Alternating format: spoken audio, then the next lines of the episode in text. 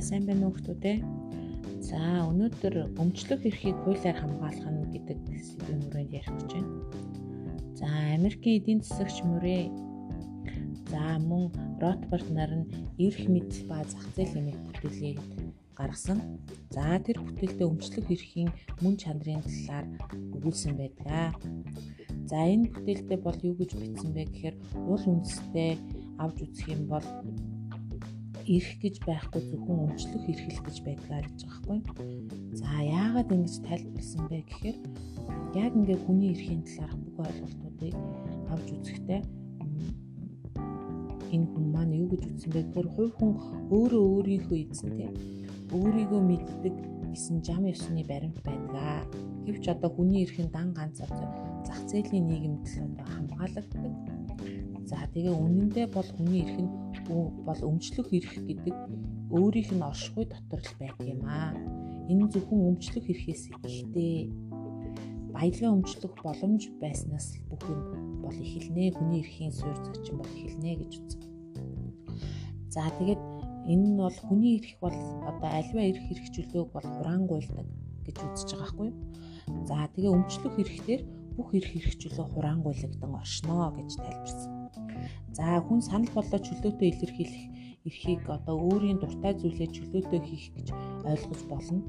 За тэгээд хүмүүс бас одоо ингээд хүн яг хаана яг өөрийнхөө байх вэ? Хүн яг өөрийнхөө эрхийг хаана бүрэн эдлэх вэ гэдэг тухай ярьж байгаа хгүй. Тэгэхээр хүн бол одоо ингээд үзэл бодлоо илэрхийлэх ёстой, хуулийн захирагдах ёстой, за амьд байх хэрэгтэй. За тэгээд өөрийн хүсэл санаанд доор амьдрах ёстой тийм. Гэтэл энэ хүний эрхийн бүх суурь зарчмуудыг хүн хаана яг хэрэгжүүлж яг хаана яг байдаг вэ гэхээр хүн өөрийн эзэмшил өмчилж байгаа газартаа тэр нөгөө хүн өөрийн хууль ёсны эрхээ боддоор мэдэрч эдэлж байдаг гэж хэлсэн. За нэг үгээр бол хүн бусдын өмчөнд тийм бусдын гэрт өөрийнхөөрөө ч юм уу тийм өөрийн эрхээ бүрэн эдлэнэ гэдэг ойлголт бол ингээд ямар нэгэн байдлаар ингээд хязгаарлагддаг тийм. За хүн нийгмийн дунд одоо нөгөө бусдын зүгээс ирэх хандлагаар нөгөө өөрийнхөө тодорхойлдог учраас хүн эрх чөлөөгөө бүрэн эдэлж чаддгүй гэж хэлээд байгаа. За одоо бид нар гудамжинд явж байхдаа одоо нийгмийн ёс суртахуун хянагдана тийм. За ингээд сургууль дээр багтаа сургуулийн дүрм журмыг хянагдана. За тэгээд ингээд бусдын өмчтэй эсвэл нийтийн өмчтөнд байхдаа нийтийн өмч болоод бусдын өмчийн тэр хим хэмжээнд захирагдах гэдэг. Тэгэхээр хүн хаана яг өөрийнхөө өмчийг бүрэн эдлэх вэ гэхээр хүн өөрийнхөө өмчилж байгаа, эзэмшиж байгаа газартаа эсвэл тэр гиддээ байшиндаа за тэндэл хүн одоо нөгөө бодтоор эрхээ чөлөөтөө эдлэж одоо бод санаа бодлоо чөлөөтөө илэрхийлж бодтоор тэр бүх төрлийн эрхийг эдлэх боломжийг үүсгэж байна гэж үздэг байгаа хгүй. За тэгээд э, одоо энэ Мөрье болон Ротбард нар бол юу гэж үзсэн бэ гэхээр эрх мэдэл ба зах зээл гэдэг энэ бүтээлийнхээ гол санаа нь өмчлөх эрх бол бүх эрхийн суурь юм. За өмчлөх эрхэл байж аж бүх төрлийн эрхийг эдлэх боломж бий болно. За тэгээд хүн одоо хаана өөрийн одоо тэр нөгөө хүний эрх бол одоо ингээд зах зээлийн нийгэм буюу энэ зах зээлийн харилцаан дотор л хүний эрх бол одоо ингээд хамгийн боддоор ингээд хамгаалагдаж оршин байдаг тийм. За тийм учраас өмчтөөл байж хүн өмчлөх эрхийг эдэлжээж энэ өмчөө хуулиар хамгаалуулж иж тий тэгээд хүн өөрийн эрх чөлөөгөө бүрэн утгаар эдлэх боломжууд бий болно гэж тайлбарсан байна. За мөн нөгөөтэйгүр одоо энэ өмчлөх эрх гэдэг ойлголт нь. За одоо хүн бол одоо төрийг бий болгохдоо нөгөө нийгмийн гэрээний онолын дагуу. За хүмүүс төрд бол яасан бэ гэхээр хүмүүс нөгөө өөрийгөө хамгаалуулах аюулгүй амар тайван амьдрахын тулд төрийг бий болгоод эрх мэдлээ төр цайн дураар шилжүүлсэн. За төр эсэргээр яах вэ гэхээр тэдгэрийг засаглах захирна тэгээд хүн бүрт тэр нөгөө нийгмийн амар тайван аюулгүй амьдралыг бий болгож өгөх үүрэг хүлээдгээ гэсэн тийм За тэгвэл яг үүнтэй адилаар одоо засаг төр бол иргэдийн өмчтэй байх. Аюулгүй тийм өмч нь аюулгүй байх баталгааг хангах үүрэгтэй. За тухайлбал төр засгийн газар иргэдийг одоо ингээ байшинтай, газартай өмчлөх эрхийг ингээд бий болгох тэр хууль ёсны тогтолцоог бий болгож өгсөй.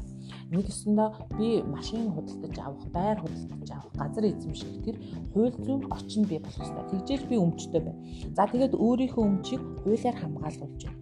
За тэгжээж тэр хүн таны өмч одоо хөрөнгөд хэн нэгэн хүн хаалцсан тохиолдолд хуулийн дагуу арга хэмжээ ав. Тэр механизмыг бий болгох. Тэгэхээр түр яадаг вэ гэхээр хүн өмчтэй байх ёстой тэр өмчтөө байх нөхцөл боломжийг хууль эрх зүйн бэлэн болгож өгөх хэрэгтэй байхгүй. Тэгжээж яах вэ гэхээр иргэдийнхээ тэр нөгөө аюулгүй амар тайван байдлыг хангах үүргийнхээ нэг хэсгийг бэлгэж гэсэн. За тэгээ өмчлөх эрх гэдэг нь эдийн болон эдийн бус баялагийг ашиглах, эзэмших, захин зарцуулах боломжийг хэлж байгаа. За эдийн баялаг гэдэг нь бол одоо нэг бодиттой байна. Эдийн бус баялаг гэдэг нь оюун санааны баялаг тийм. За энийг ашиглаж болно, эзэмшиж болно, захин зарцуулж болно. За өмчлөх эрхийн агуулга дотор ашиглах гэдэг нь тухайн баялагын үр шимийг хүртэх гэж ойлгогддог бол эзэмших гэдэг нь бүрэн хяналтандаа байлгахыг хэлдэг. Захин зарцуулна гэдэг нь тухайн баялагыг худалдах, бэлэглэх, арилжаалах, зээлэх зэрэг одоо шийдвэр гаргах боломжуудыг хэлдэг.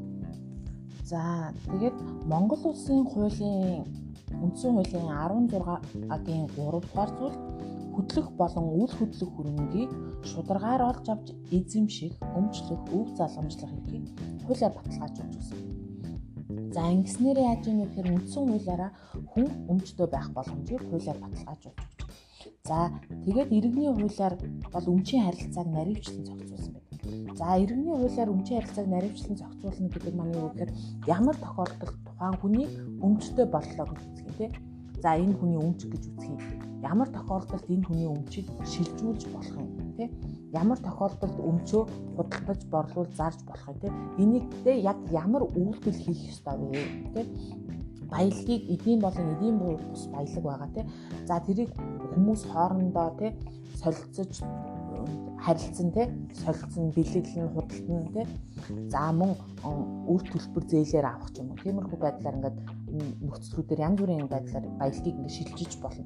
Тэгвэл эдгээр бүх харилцааг зохицуулж өгсөн байдаг байна иргэний хуулийн одоо зохицуулалт гэсэн үг шүү дээ тий за яг наривчлан хэлэх юм бол 2002 онд батлагдсан Монгол Улсын иргэний хууль дээр нөмчийн харилцааг зохицуулж өгсөн байдаг байна за тэгээд мөн одоо энэ эдийн баялаг бол одоо үл хөдлөх хөрөнгө за автомашин одоо жишээ нь үнд идэлтэй хуучны зүйлс гэдэг юм уу те эд байдаг бол эдийн бус баялаг буюу одоо оюуны өмч зохиогчийн эрх патент нэр төр нэр хүндтэй албар хүнд ажил мэргэжлийн нэр хүнд зэргийг бол одоо эдийн бус баялагт оруулах байна.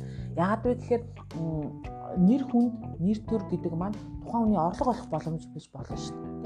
Мөнгөтэй байх боломж, эсвэл амьдралаа авч явах боломж байж болно.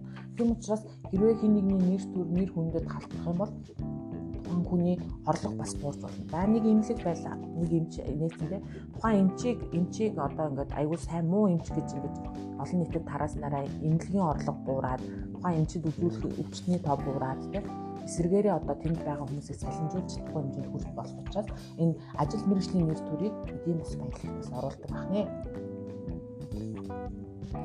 За тэгээд эдгээр баялагийг эдийн бус баялаг гэж үздэг.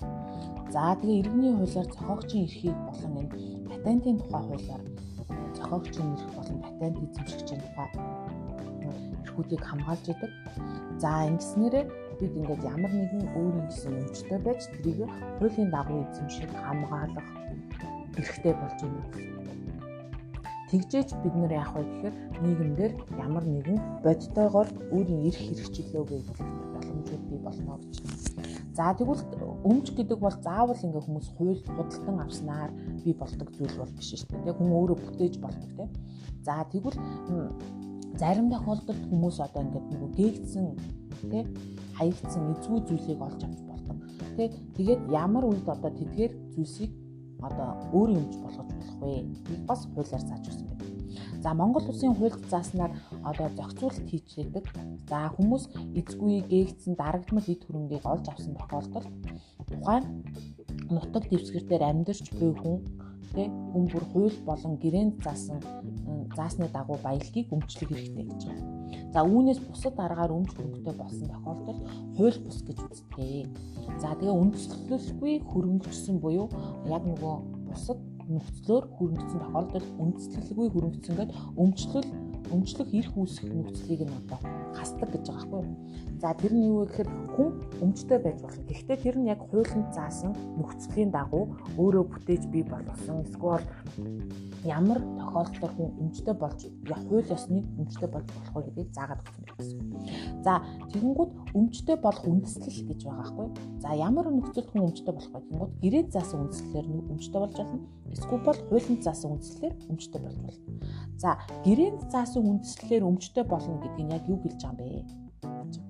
За тэгэхээр худалдах худалдаа авах гэрээг. За автомашин зарлаа. За эргэн ган баяр нь эргэн баяр тогтоогт автомашинаа худалдлаа. За плюс 2 20 ч юм уу. За тэгвэл тэр тухайн автомашиныг худалдах худалдан авах гэрээг ган баяр баяр тогтохноор хийгээд гарын үсэг зураад одоо би нөгөө машин худалдаж авч байгаа тал нь юм чинь худалдан авсныхаа төлбөрийг ган баярын нэр рүү шилжүүлээд ган баяр нь машиныхаа гэрчлэгийг миний нэр дээр шилжүүлснээр энэ гэрээнд заасан үндслэлээ би өмчтэй болж байна. Гэсэн үг байхгүй хэрвээ энэ гэрээнд заасан үндслэлээр өмчтэй болох энэ өмчлөх эрхийн харилцаагаа бүрэн хийхгүй бол өмч миний нэр дээр шилжээг. За би хэрвээ мөнгөө шилжүүлсэн боловч автомашина өөрийн нэр дээр шилжүүлж аваагүй бол энэ өмчлөх хэрэгжээг байна гэсэн. Тэгэхээр энэ худалдах худалдаа авах гэрээ нь хоёр тал гарын үсэг зураад нэг нь төлбөрөө шилжүүлээ нөгөөх нь эд хөрөнгийнхөө нэр дээрээ өөрийн нэр дээрээс нөгөө хүний нэр дээр шилжүүлсэн тохиолдолд энэ өмчтэй болно гэсэн. За мөн ирээдүйд эд хөрөнгө худалдан авах гэрээ гэж. За ирээдүйд эд хөрөнгө худалдан авах гэрээ гэдэг нь одоо юу гэж ойлгогдох вэ гэхээр бид нар одоо яг маш сайн мэддэг нь юу вэ гэхээр одоо нэг ипотекийн зээл байгаа байхгүй. За энтэй төстэй. Би эсвэл шинэ байрны захиалга шинэ орон сууцны захиалга өгдөг шүү дээ хүмүүс.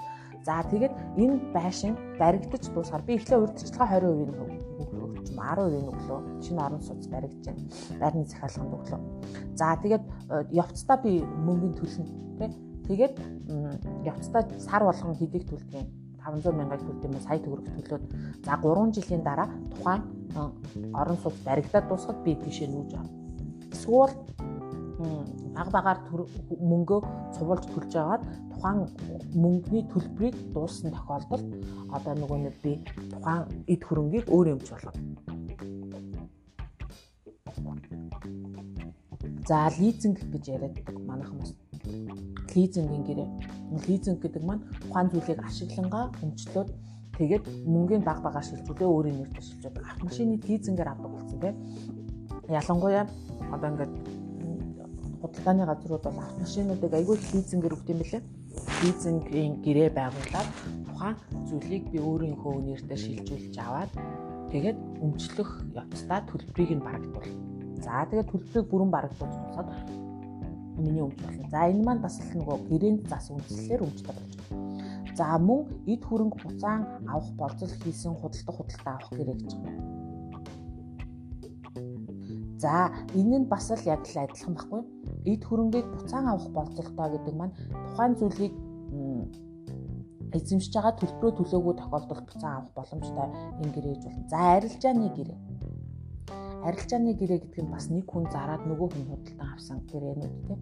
За бэлэглэлийн гэрээ гэж бас байдаг. Гэрээнд зас үндэслэлтэй. Би ямар нэгэн зүйлийг зүгээр ингээд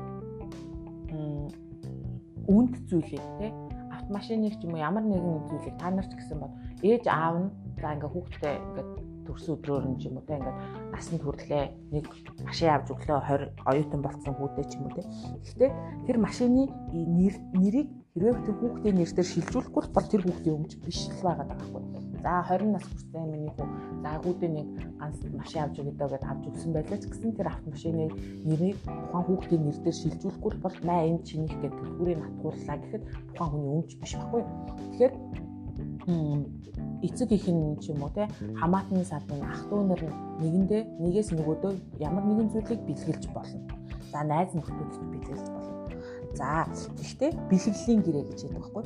За би энэ хүүдээ миний хүү одоо ингээ 20 нас хүрсэн те би хүүдээ ингээд өөрийнхөө эд хөрөнгөөр өөрийнхөө мөнгөөр ингээд машин худалдаж аваад хүүгийнхээ нэрээр бэлгэлж байна. Тэ төлбөрийг нь ээж нь аав за ах нь их чинь хийсэн. Гэхдээ энэ хүүхдийн нэр дээр байх юм аа ингээд бэлгэлийн гэрээний дагуу хүн өмчтэй болно. За гэрээний зас үндэслэл. За мөн зээлийн гэрээ. Зээлийн гэрээ гэдэг маань юу вэ гэхээр зэрэг тодорхой хугацаанд энэ зүйлийг эзэмшээд за ипотек ч гэсэн зээлтэй. За ер нь ямар ч зээлийн гэрээ байж бол зээлээ төлж дуусахад тухайн зүйл өөрийнх нь өмч болдог. Тэ? Ямар нэгэн зүйлийг ингээд зээлээр аваад ашиглаад зээлээ төлж дуусахад тухайн зүйл өөрийнх нь өмч болдог. За иймэрхүү байдлаар хүмүүс гэрээнд заасан үндслэлээр өмчтэй болж болдог. За гэрээнд заасан үндслэлээр өмчтэй болох тохиолдлууд бол нийгэмдэр ингээд бид нар маш олныг мэдчих байхгүй айгүй түгээмэл байдаг тийм. За тэгвэл хуулинд заасан үндслэлээр бас хүмүүс өмчтэй болж болно. За хуулийн заасан үндслэлээр өмчтэй болно гэдэг маань юу вэ гэхээр эзэнгүй юмыг олж авах гэж байна.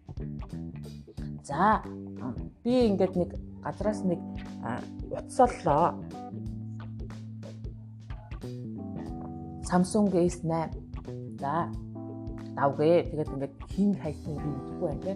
Ингээд орлоод авлаа. Тэгээд би э, эзнийг мэдэхгүй тэгээд хаана авирч өгөө мэдэхгүй тэгээд би өөрөө болгож болно шүү дээ. Ягаад вэ гэхээр за би юу гэдгийг супермаркетэд олж авсан ч юм уу те. За эсвэл хаанаас ч олж авсан байж болно. Газар ингээд явж исэн чинь зам дээр дэлгүүр дотор За тэгээд нөгөө хуулийн заасан үндслэлээр яаж түрүүн гэрийн заасан үндслэлээр хэрхэн өмчтэй болох тухай ярьсан бол хуулийн заасан үндслэлийн тухай ярьж байна тийм. За эзэнгүй эд зүйлийг олж авал тухайн хүн өөрийн өмч болгож болно. За хаягдсан гар утас би олоод авлаа гэж бодъё тий. Samsung S8 ч юм уу за ямар ч үгүй тий. Тэгээд тухайн хүн эдийн эзэн нэгэнтэй олдохгүй байгаа тохиолдолд би өөрийн болгож болно. За гээгцэн эд хөрөнгийг олж авах. Алдуул мал олж авах гэж байгаа байхгүй? Тэгэхээр бид нар заримдаа ингээд төрөвчтэй мөнгө мөнгө олж авдаг тийм заримдаа ингээд э, газар хайцсан юм ч юм уу тийм ингээд үн тэтлэл мэтэл олж авах тохиолдол байдаг тийм за тэгээ мал олж авч болно. За ингээд ямар нэгэн байдлаар. За тэгээд дарагдмал эд зүйлийг олж авч болно. Хүнд тохиолдож болно шүү дээ. За тэгээд эдгээр зүйлсийг хамгийн гол нь олж аваад за тухайн өмчийн эзэн нь тогтоогдоогүй тохиолдолд чи ингээ өөрийн өмч болгож болох байхгүй юу.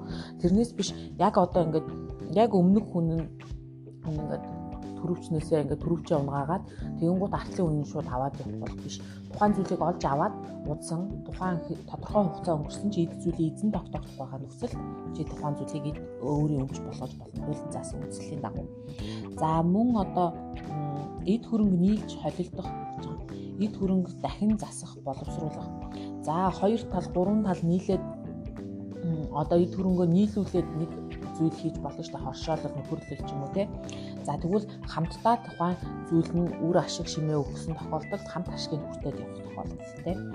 За мөн одоо ямар нэгэн хуучны эд зүйлийг дахин засварлаад илүү үн хүргэх хүргэх те илүү боловсронгуй болгоод дахин худалдаалах те. За мөн эд хөрөнгийг хувьчлан авах За өмч хувьчлал дээрээс дуудлага худалдаан дээрээс ямар нэгэн зүйлийг хөвчилж авах. За мөн эд хөрөнгийг өв залгамжилж авах. Одоо эцгийнхээ ч юм уу өвөөгийнхээ эмээгийнхээ ямар нэгэн зүйлийг хүүхдээ гэрээслийн дагуу өв залгамжлаар үлдээж болох тийм.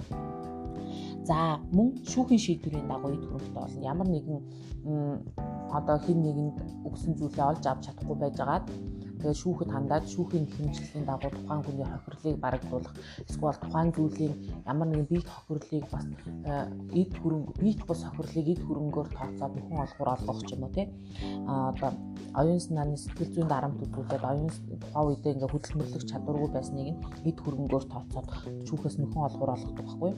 Одоо хин нэгэн хүний хөрөнгийг э, хөрөнгөөр нөхөн олгор хийж болно. За одоо жишээ нь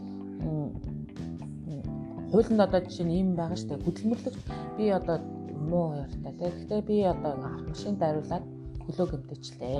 Хөл хугалчлаа. Тэглээгээд миний одоо жишээ нь миний хөлийг э, хугалсан хүнийг одоо эргээд ямар нэгэн байдлаар хөлийг хугалахгүй дээ. Тэгээд оронд нь яах вэ гэхээр би одоо тэр хугацаанд хөлөө эдгэрхтэлтэй ажил хийж чадахгүй байх хугацаанд миний одоо ар гэрт амьдралд хэрэгтэй байгаа мөнгийг нөгөө хүн маань одоо шүүхийн шийдвэрийн дагуу надад хөрөнгө болгоод ч юм уу мөнгө хэлбэрээр хэлж болно те. За тиймэрхүү байдлаар одоо шүүхийн шийдвэрийн дагуу эд хөрөнгөтэй болж болно. За мөн эд хөрөнгийг дайчлан авах гэж байдаг. За тэгээд энэ нь яах вэ гэхээр зэрэг тухайн эд хөрөнгийг шудраг бусаар өөр хин нэгэн хүн олсныг одоо ингээд шүүгээр тогтоогоод тухайн хүний өмчийг өөр хин нэгэнд шилжүүлэх байдлаар шийдвэр гаргах юм те иймэрхүү үндэслэлүүдээр хуулийн зас үндэслэлүүдээр хүн эд хөрөнгөтэй болж болно.